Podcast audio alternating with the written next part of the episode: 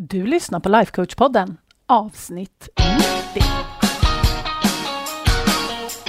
Välkommen till Lifecoach-podden, där allt handlar om tankar, känslor och hur vi kan använda dem för att komma dit vi vill. Jag är din guide, författare, projektstartare och certifierad lifecoach, Anna Wallner.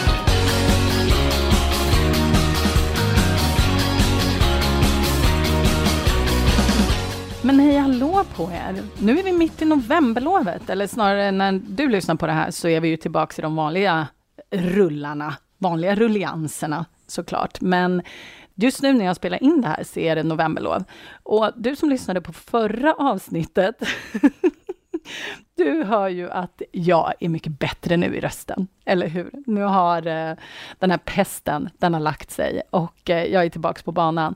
Men just det här med det som har hänt nu senaste tiden eh, har fått mig att reflektera ganska mycket, både i kombination med att vi just nu kör tema överätning inne i medlemskapet, men också det här med att jag har varit sjuk och därmed också väldigt, väldigt trött, så har jag reflekterat över just det här med överätning. För jag har överätit nu när jag har varit sjuk. Den här början på veckan på novemberlovet så har jag också överätit. Men det som är så spännande nu när jag börjar tänka på det, för jag har ju såklart tänkt ganska mycket på hur överätning kan se ut i största allmänhet just nu eftersom det är top of mind och så. Um, så började jag tänka på att min överätning nu är ju liksom väsensskild från hur det brukade vara. Och för att ge dig lite kontext så tänkte jag ju först och främst berätta lite om hur jag numera ser på överätning. Jag tänkte nog inte på överätning på det här sättet förr överhuvudtaget, utan då var jag så fruktansvärt viktfokuserad, så att eh, då var allting svart eller vitt. Och åt jag någonting överhuvudtaget som då fanns på min dåliga matlista, så slog jag på mig själv och var elak och tyckte att det var fruktansvärt. Så att nu tänker jag ju mer på överätning när jag äter, trots att min kropp inte har gett mig någon signal att göra det. Det vill säga, när jag äter trots att jag inte har ett fysiskt behov. Det är vad jag kallar för överätning. Men i och med allt det här jobbet som jag har gjort så ser jag också mat och mig själv på ett helt annat sätt. Och när jag tittar tillbaka på hur jag brukade må i kroppen förr, när överätning var någonting som jag höll på med i princip varje dag, och hur jag mår i kroppen nu, även om jag överäter, för det har jag gjort den här veckan, så är det fortfarande som sagt helt väsensskilt. Och det vill jag prata lite om idag, just för att bara för att man slutar överäta inom situationstecken, så betyder inte det att man inte kommer överäta någonsin igen.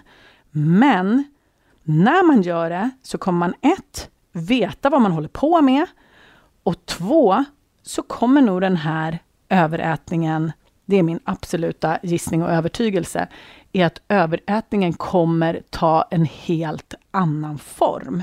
Vilket kanske kommer gagna en bättre.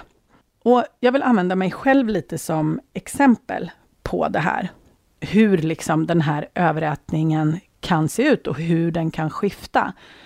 För om vi tittar på mig för ja, så lite som tre år tillbaka sedan, när jag fortfarande var i mitt gamla min gamla relation till mat och min gamla relation till min kropp, så kunde jag äta tills magen var så full så att den tryckte liksom ut mot bukväggen.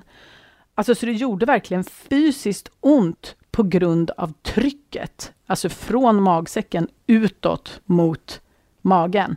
Och någonting som jag har jobbat med jättemycket för att just lära känna mina egna hungerkänslor och sådär, är hungerskalan. Och den går från minus 10 till plus 10.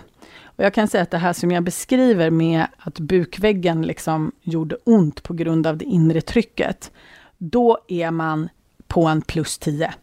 Det är liksom det, man, man är så mätt som man i princip måste gå och lägga sig. Och det här var någonting som jag upplevde väldigt, väldigt, väldigt ofta. För att jag hade svårt att stoppa mig själv från att äta.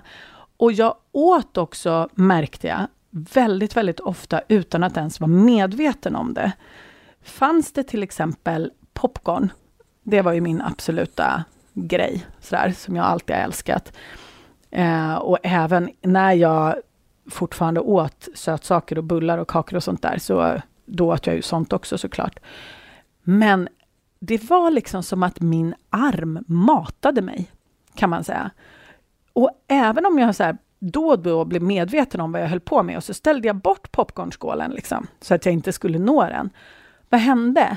Jo, efter ett väldigt, väldigt kort tag så hade den där popcornskålen helt plötsligt blivit infångad igen. och min arm hade satt igång och mata mig igen. Jag vet inte ifall ni känner igen det här. Visst, jag, min gissning är att det är åtminstone några stycken av er som känner igen er. Och det här är så himla knäppt. Det är, det är ju nästan surrealistiskt att liksom ens kropp matar den. Så att det kändes som att jag hade liksom ingen riktig kontroll och jag var inte riktigt medveten. Så att när jag blev mer och mer mätt så var jag inte medveten om det. Jag lyssnade inte på min kropp fysiskt.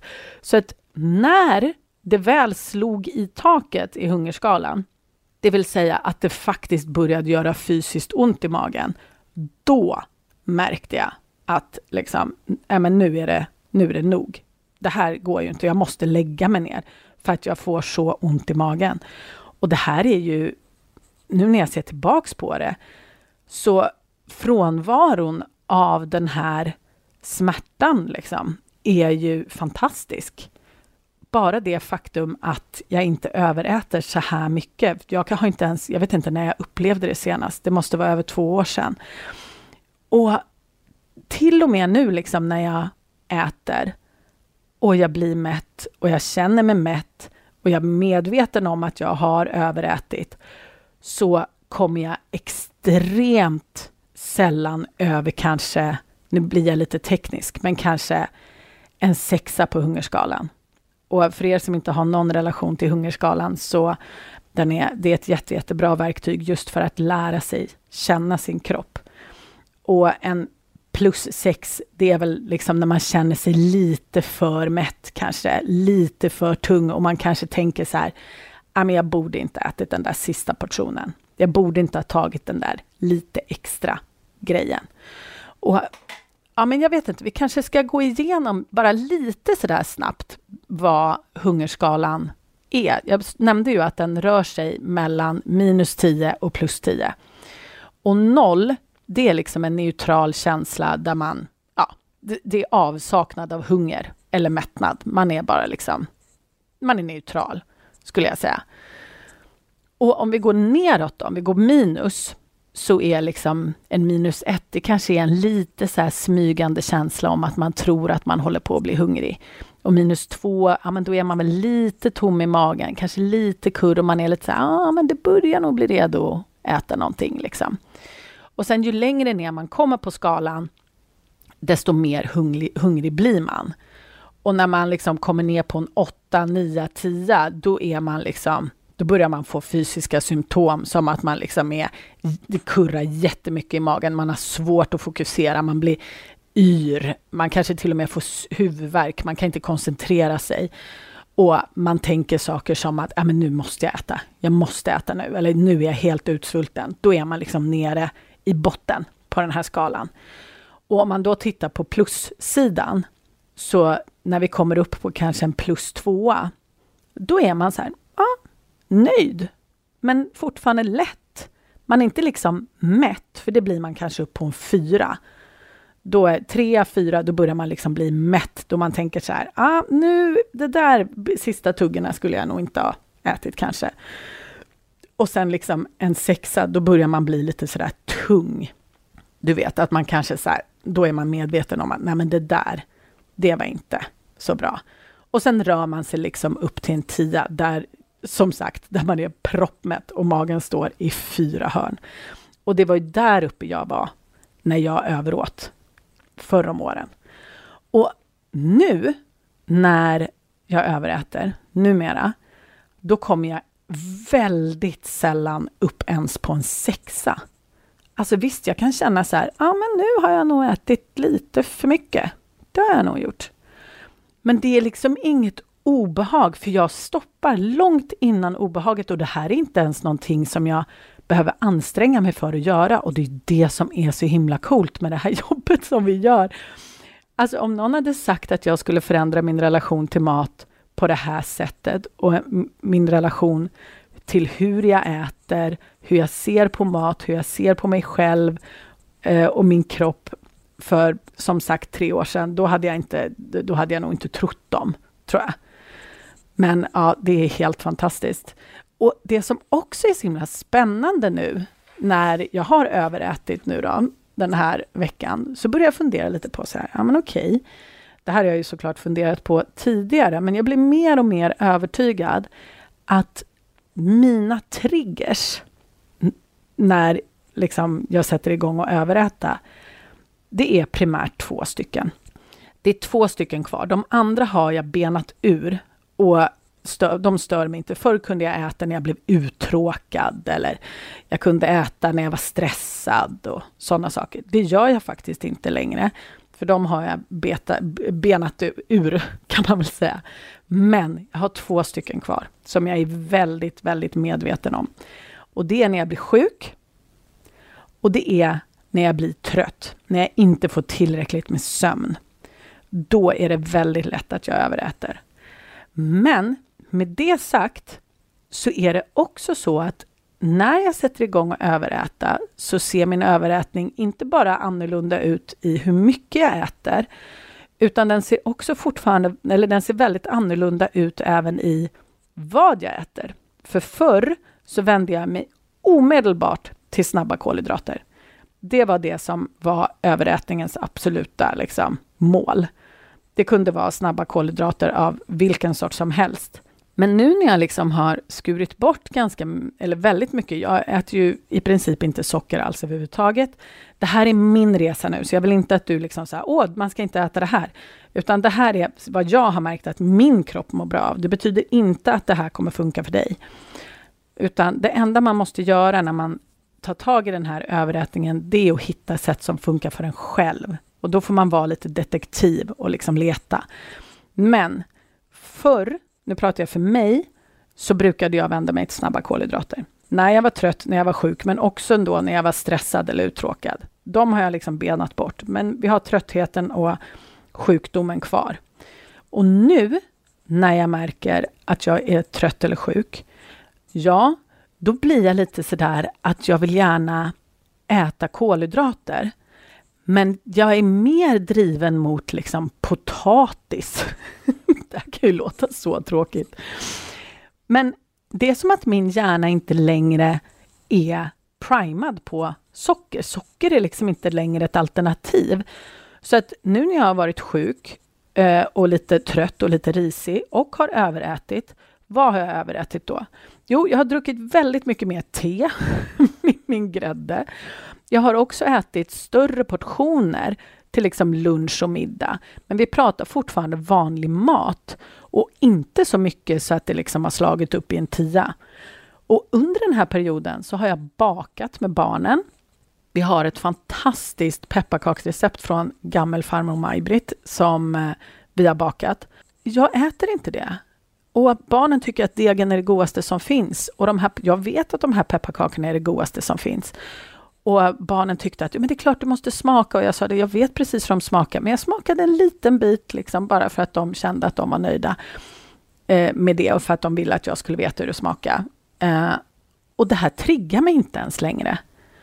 Och det är helt mindblowing.